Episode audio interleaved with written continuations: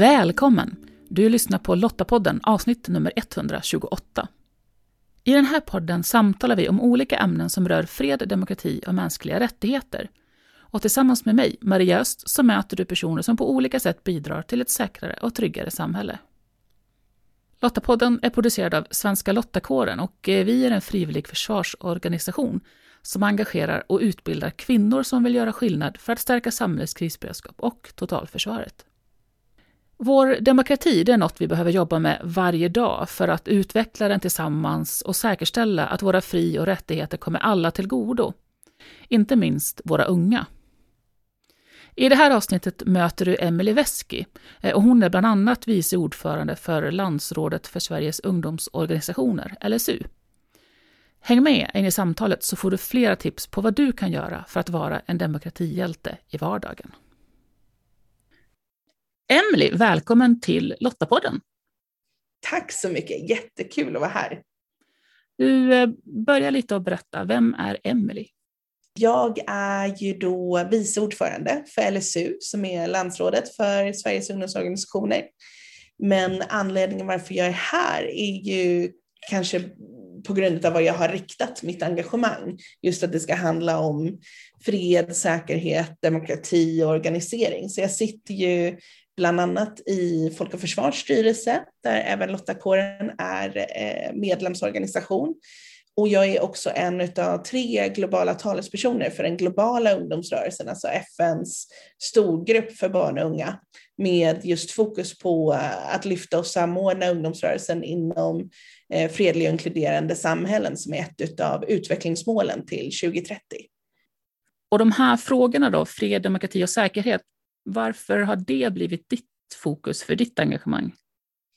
Jag tror för mig började det redan alltså när jag var väldigt, väldigt ung, alltså i rättvisefrågorna. Att vara tjej, eh, ha en väldigt stark åsikt om att saker ska vara rättvist, eh, uppleva en stark orättvisa själv.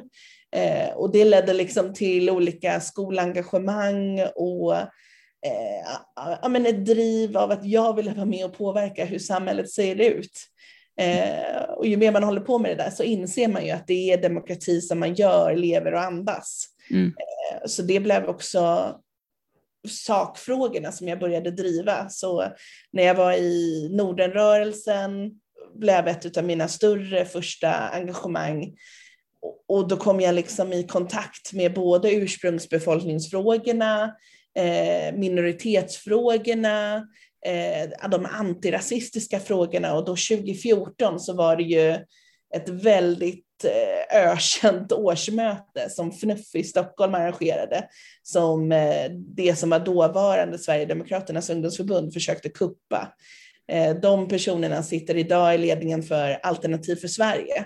Mm. Så för mig har det liksom varit det, det, kan vara ett så stort begrepp det här demokrati, men det har varit så himla konkret och handlat om mitt eget liv, min egen kamp för vad jag tycker är rättvist och, och stå upp för de demokratiska, demokratiska systemen.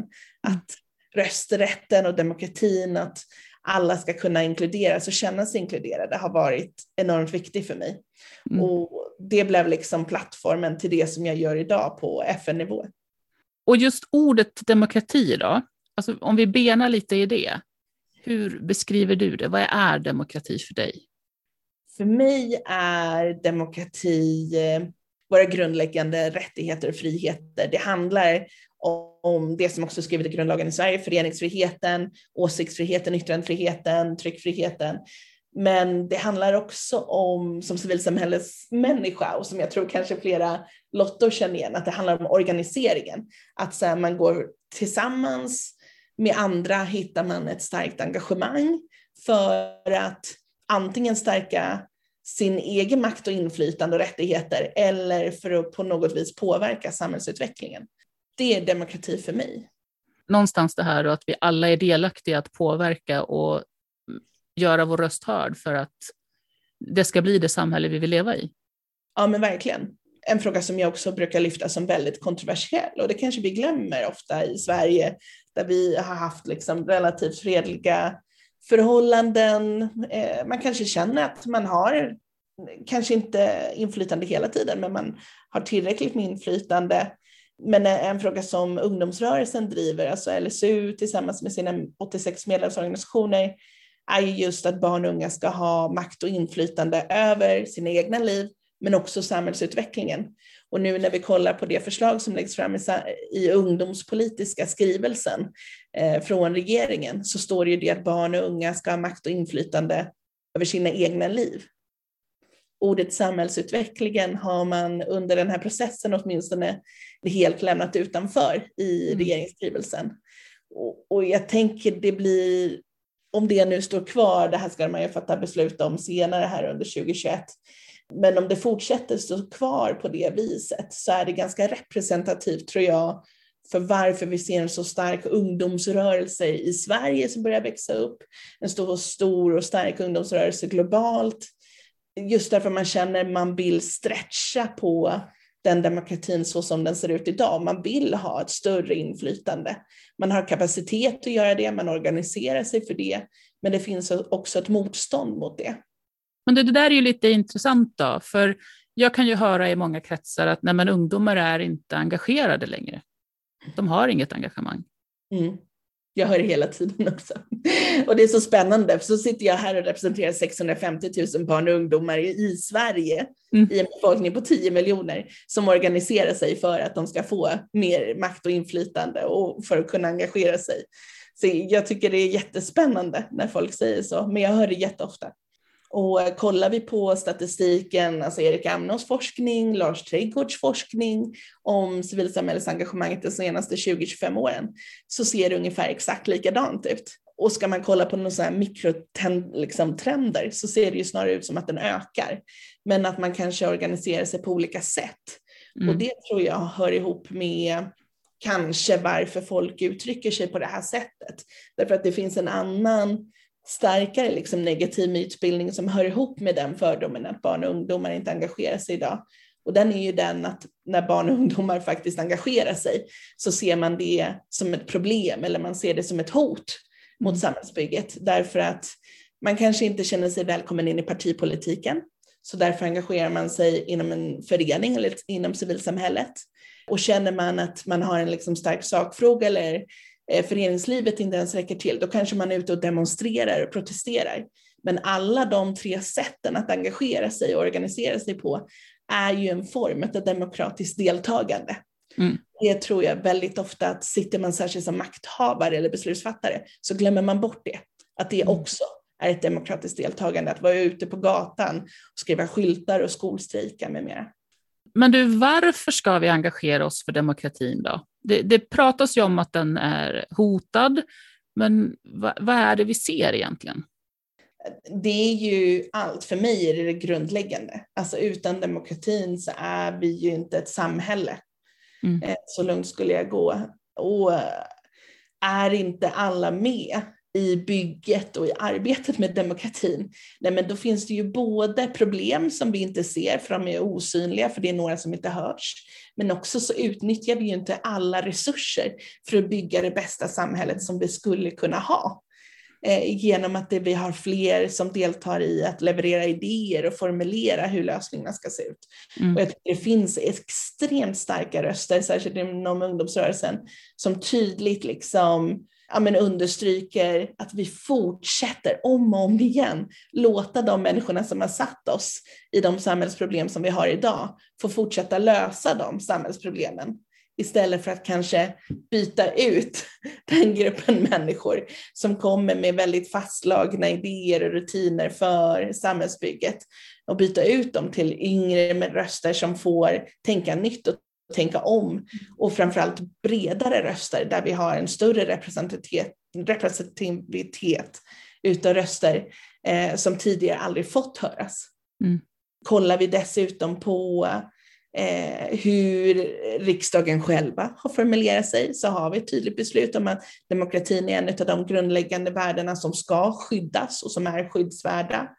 Kollar vi på eh, FNs generalsekreterare som eh, uttalade sig i början på 2020 och senare också skrev en resolution ihop med ungdomsrörelsen mm. där man tydligt sätter ett likamedstecken mellan demokrati och fred Man uttrycker det då inte som demokrati eftersom demokrati fortfarande är ett så pass, så pass kontroversiellt begrepp även inom FN-systemet bland stater, men man säger deltagande. Ungas deltagande är nödvändigt för att vi ska kunna bygga fred. För mig är det en självklarhet, vi måste ha demokrati för att vi ska kunna leva i en fredlig värld. Och när du säger att, den, ehm, att demokratin är inte riktigt accepterad överallt, vad, vad är det som gör det?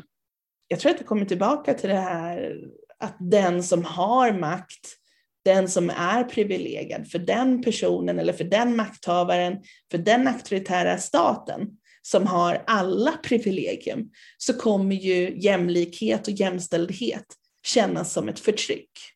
Och jag tror att det är där det skaver. Och det är samma sak med åldersmaktordningen och barn och unga. Att när vi ska ge unga plats och röster, det är många som är positiva till det, det är många som är allierade. Vi ser många som visar solidaritet med rörelser globalt, oavsett vilken rörelse man stödjer. Och de, de ser ju inte den här upplevda känslan som finns hos de som sitter med den centrala makten, mm. som är, tror jag, otroligt rädda för vad det här betyder för deras privilegium. Mm. Eh, och, och jag tror att det är viktigt, inte att låta den känslan ta överhanden, men jag tror att när vi inser att det är exakt så man känner, att det är ett förtryck, och det hör vi från många röster i Sverige. Nej, ska de här med? Ska de här ha plats? Eh, kollar vi på integrationsfrågan, vad som helst. Ska de här också ta del av det här? Ja, men det är för att man är rädd att förlora det man har. Det är mm. några som sitter på alldeles för mycket makt, alldeles för stora resurser som gör att det inte räcker till åt oss alla. Men om vi går tillbaka till eh, att demokratin är skyddsvärd. Vad är det för någonting då som, som vi behöver göra för att skydda den? Demokratin och freden är ett arbete som måste göras varje dag. Ehm, och jag brukar säga det, att det är exakt det som görs hos lottakåren, hos lottorna eh, och i föreningslivet generellt eh, att ha en sån liten grej som stadgar, som visserligen i vissa föreningar kan vara en stor grej också, men det är ett viktigt betyg på att vi har satt oss ner och kommit överens tillsammans hur vi vill att våran lilla grupp ska fungera. Och att ha ett aktivt föreningsliv innebär att vi har en aktiv demokratiskola som visar barn och unga människor, även vuxna, eh, hur man kan skaffa sig en röst och stärka andra genom att lyfta deras röster och hur man accepterar demokratiska val, mm. eh, hur man genomför voteringar eh, och, och varför vissa röster inte går igenom när de inte är majoritetsröster eller hur man kan se till att skapa demokratiska system som släpper fram röster och se till att alla hörs även i en större organisation. Mm. Så bara en sån sak som att gå på ett årsmöte är ett bidrag till demokratin. Därför det är både du själv och du tränar andra i vad en demokrati är för någonting. Mm. Men sen så tror jag att vi måste också göra de större sakerna. Alltså vi, vi måste börja peka och understryka när vi ser en orättvisa och stå upp för dem som inte kan tala för sig själva. Eh, och det är ju ett privilegium som jag har. Alltså bland mina 86 medlemsorganisationer, LSU, våra 650 000 medlemmar, alla de barn och unga som kanske ännu inte är medlemmar i en förening. Hur kan jag hjälpa till och bära deras röst när de själva inte hörs? Mm. Och sen att visa oss vara allierade, alltså bli partner med de som är de som påverkas av en utsatthet i samhället eller i sina egna liv, i sina eh, egna situationer. Hur kan vi bli bättre allierade till dem? Eh, som stor organisation, hur kan vi skaffa partnerskap med de som är, är särskilt utsatta? Eh, så jag tror det, hela tiden måste vi jobba om vad de här koncepten betyder, för det är ju såklart också att utsattheten och vem som är har mer eller mindre makt också är, kan vara liksom förändligt över tid. Mm. Eh, men i grunden så lever vi ju med samma maktstrukturer nu som vi gjorde även för hundra år sedan. Det är samma problem vi kämpar med. Och jag tror det är en viktig insikt att komma till, att det är varken tacksamhet eller tid som skapar samhällsförändring eller som skapar demokrati, utan det är människor som bygger det. Och det är mm. därför vi som enskilda människor måste ta ansvar för det bygget. Medlemmarna då, som du representerar, eh, de unga, vad säger de själv är de viktiga frågorna och hur vill de engagera sig?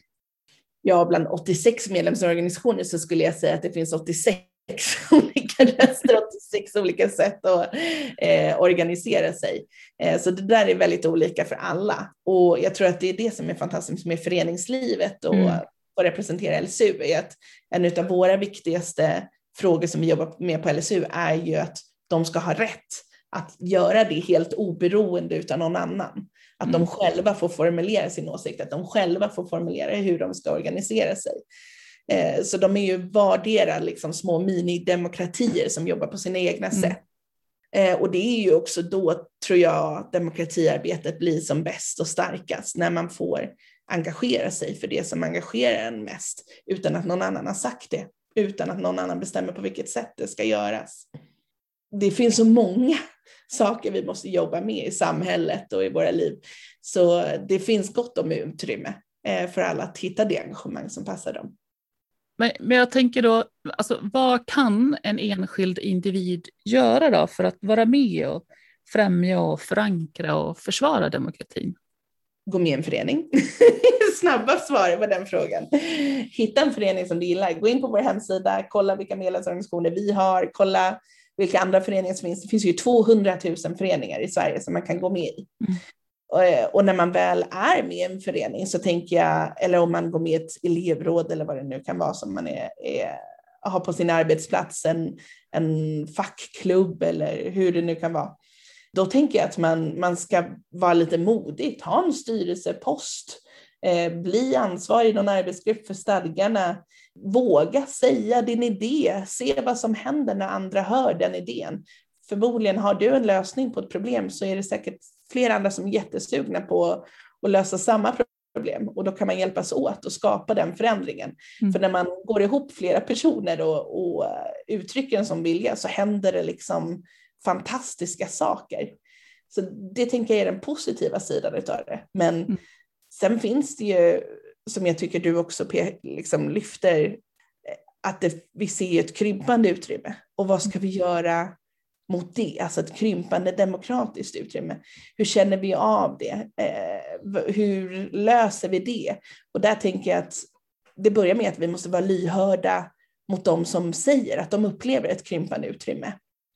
Eh, och då handlar det om allt från eh, klimatstrejkerna till Black Lives Matter, till eh, ungdomsrörelsen i sin helhet. Det handlar om eh, människor som är oroliga för vart världsfreden är på väg.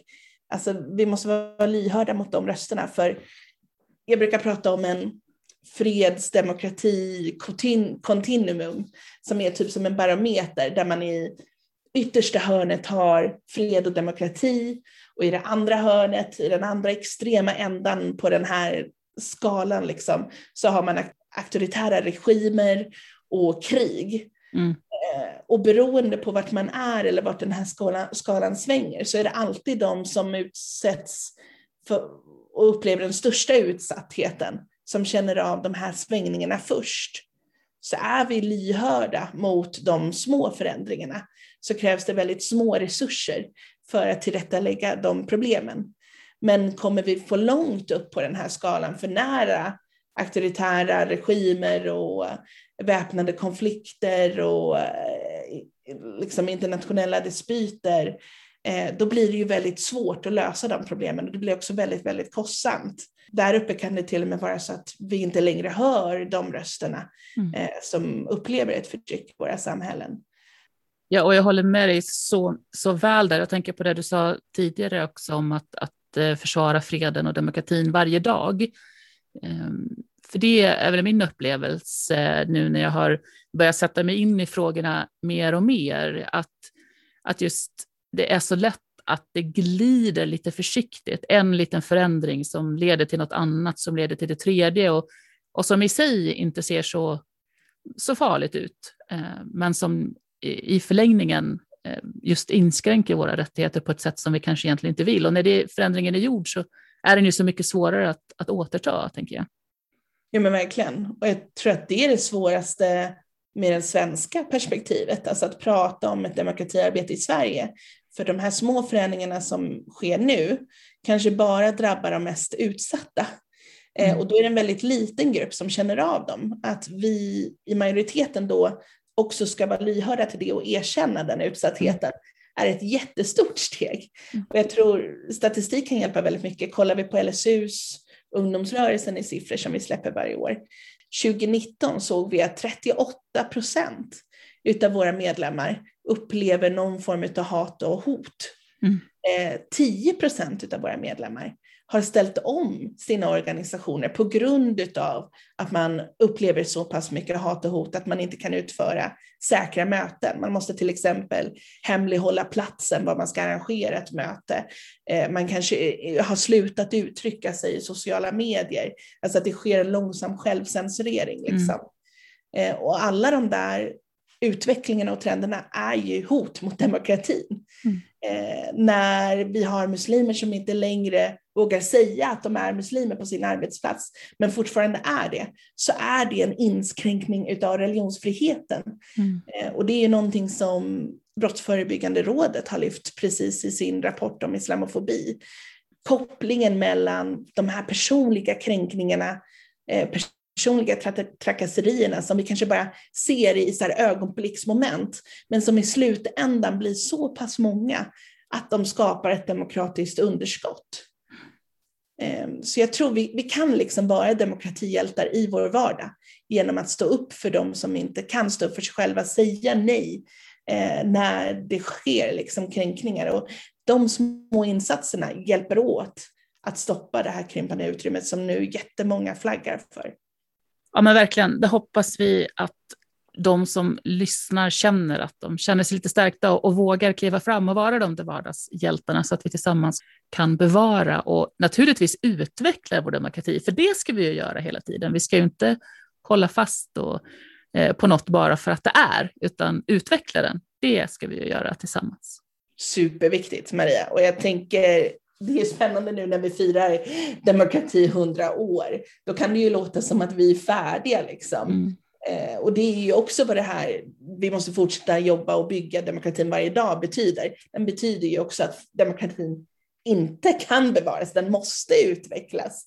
Eh, vi har fortfarande en åldersmaktordning som innebär att barn och ungdomar kan straffas, få fängelse, betala skatt, men ändå inte ha rösträtt. För mig är det ett jättestort demokratiproblem. Mm. Eh, tänk om alla alla som nu har varit ute och klimatstrejkat skulle haft rösträtt till exempel mm. när det här började 2018. Då var ju Greta till exempel 16 år eh, och många med henne, klasskompisar var 16 år. Vad hade hänt om de hade fått rösta då? Mm. Vad hade hänt om de nästa år under valet. Eh, nu får de, flera av dem rösta för första gången då. Men på riktigt ställa politikerna till svars, mm. ansvarsutkräva dem eh, för den politiken som de har bedrivit de senaste fyra åren. Eh, jag tänker också på eh, samerna och fältbiologerna som är uppe och eh, protesterar skövlingen i Norrland. Jag tänker på hbtq-rörelsen som går ihop med den muslimska folkrörelsen för man känner liknande förtryck. Man får inte längre bedriva sina festivaler. Man, man stängs ute från olika politiska forum. man är orolig för vad det ska innebära att Eh, Eh, man har varit med i en förening som kanske har använt sig av vad som skulle kunna kallas för extrema åtgärder för den demokratiska kampanj som man själv tycker är ett nödvändigt steg i att utveckla demokratin. Vad kommer det innebära för mig att få jobb i framtiden? Jag tror att det är många som är oroliga nu, men man ska inte vara orolig, utan det här stretchandet är någonting som vi håller hållit på med alltid och som kommer fortsätta vara viktigt. För vi kan inte, när vi ser tillbaka på demokratin 2020 så tror jag vi kommer vara chockade över hur vad lite vi visste om demokratin och hur mm. rätt det var för att ut, kämpa för att utveckla den. Och jag tänker, jag kommer alltid tillbaka till det här också, att vi gör det här tillsammans och då behöver vi ju eh, göra det tillsammans. Alla behöver vara involverade och som du sa i början, alla röster behöver höras för att det ska bli det det allra bästa som vi i slutändan eh, får till eh, och som vi utvecklar. Så det finns mycket att göra, men jag tänker att det finns ett väldigt stort hopp också, just med engagemang och, eh, och att det är fler som, som engagerar sig. Verkligen. Nej, men jag känner mig superoptimistisk.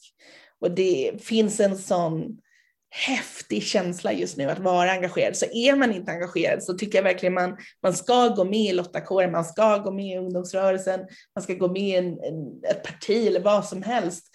Det här är en spännande tid att engagera sig i demokratin. Det är så mycket som händer. Det finns så många idéer om vart vi skulle kunna utveckla den till. Liksom. Eh, och vad vi kan göra med den. Jag tror att många ser den svenska demokratin i relation till det globala också. Mm. Det finns så många nivåer från ens hemby och ens hemort till det världsliga och det är superhäftigt när Ann, Ann Linde, ut, utrikesminister, säger att vi skulle inte se den demokratiska utvecklingen som vi ser idag i Belarus om det inte hade varit för LSU, alltså Sveriges ungdomsråd för eh, de nationella ungdomsorganisationerna. För vi har liksom de senaste 20-30 åren jobbat tillsammans för att stärka varandra, för att se till att eh, de förutsättningar och villkor som finns i Belarus kommer ut öppet. Eh, att vi har eh, svenska politiker och beslutsfattare som engagerar sig i Belarus. Mm. Och vi ser liknande utvecklingar i Myanmar, i Filippinerna, i Nigeria, i Libanon, i Kenya.